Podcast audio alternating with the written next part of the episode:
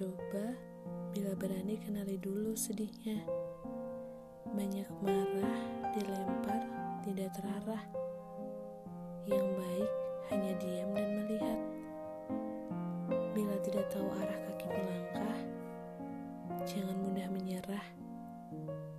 Tidak akan mudah untuk mendapatkan sesuatu yang indah.